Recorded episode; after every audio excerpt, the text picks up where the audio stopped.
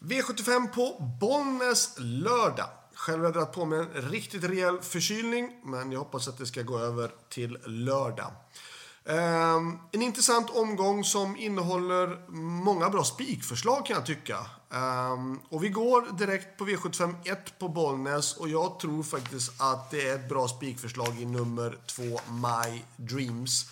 Hästen har varit, ju varit tufft i med tuffa lopp och har varit med liksom i både Sprintermästaren och derbyt och grejer och det är ju inte sådana hästar med i det här loppet. Eh, och den har fått ett bra utgångsläge på en kort distans.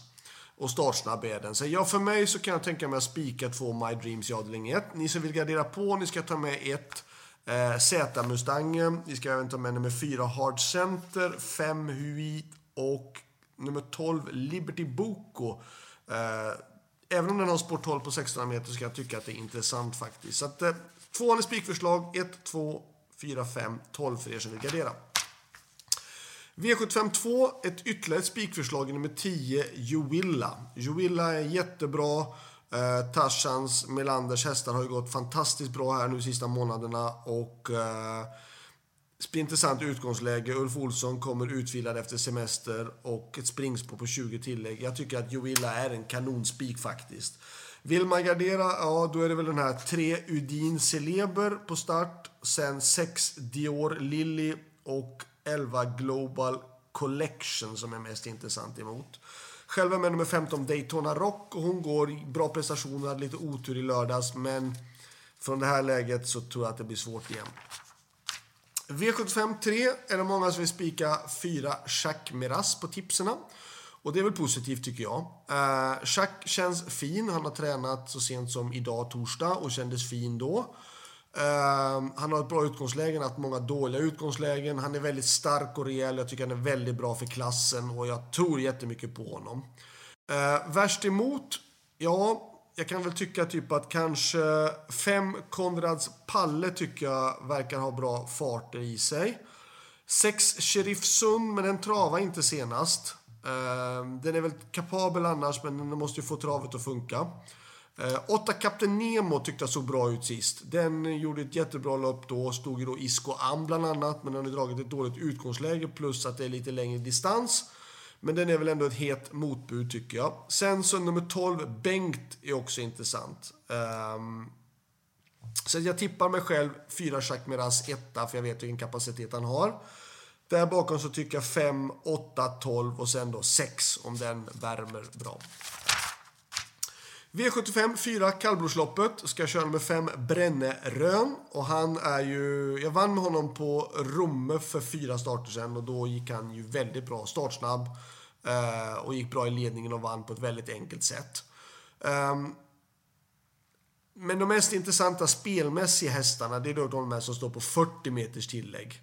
Ehm, självklart då 11 Månlycke AM som äntligen fick vinna senast.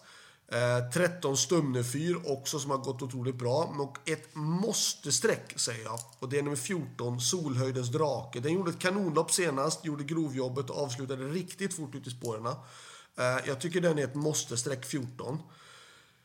Även eh, på start då kan jag tycka att nummer 2, Eldtechno, det är lite upp om den hästen ska gå i ledning eller inte, jag vet inte. Det är lite dubbla uppgifter på det. Eh, men hästen om jag inte såg fel på det så stod för något antal starter sen så stod Sargo före två Eltechno och nu är det precis helt tvärtom. Nu står Sargo bakom Eltechno. Um, ehm, så att det blir... Ja, jag kan tycka det att jag kan tycka att det här loppet ska garderas. Jag tycker vi ska ta med två Eltechno, fem Brännerön, 11 Månlyck AM, 13 Stumnefyr, 14 Solhöjdens Drake och kanske 10 Oppgårdsdrängen också i sådana fall. V75 5. Jag tror att man kan spika 11 High on Pepper för att jag tycker att han var rysligt bra. Han har varit jättebra i flera starter i rad.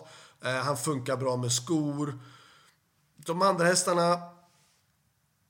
7 Dark Roadster tycker jag vi ska inte underskatta något mer för att han har gjort så fantastiskt fina lopp. Visst, det är lite längre distans, men han är startsnabb och han har ju formen på topp. Sen är det alltid det svåraste att vinna den där femte raka segern. Det är på något sätt så att få till det där riktiga staketet det är alltid svårt att slå i den sista spiken.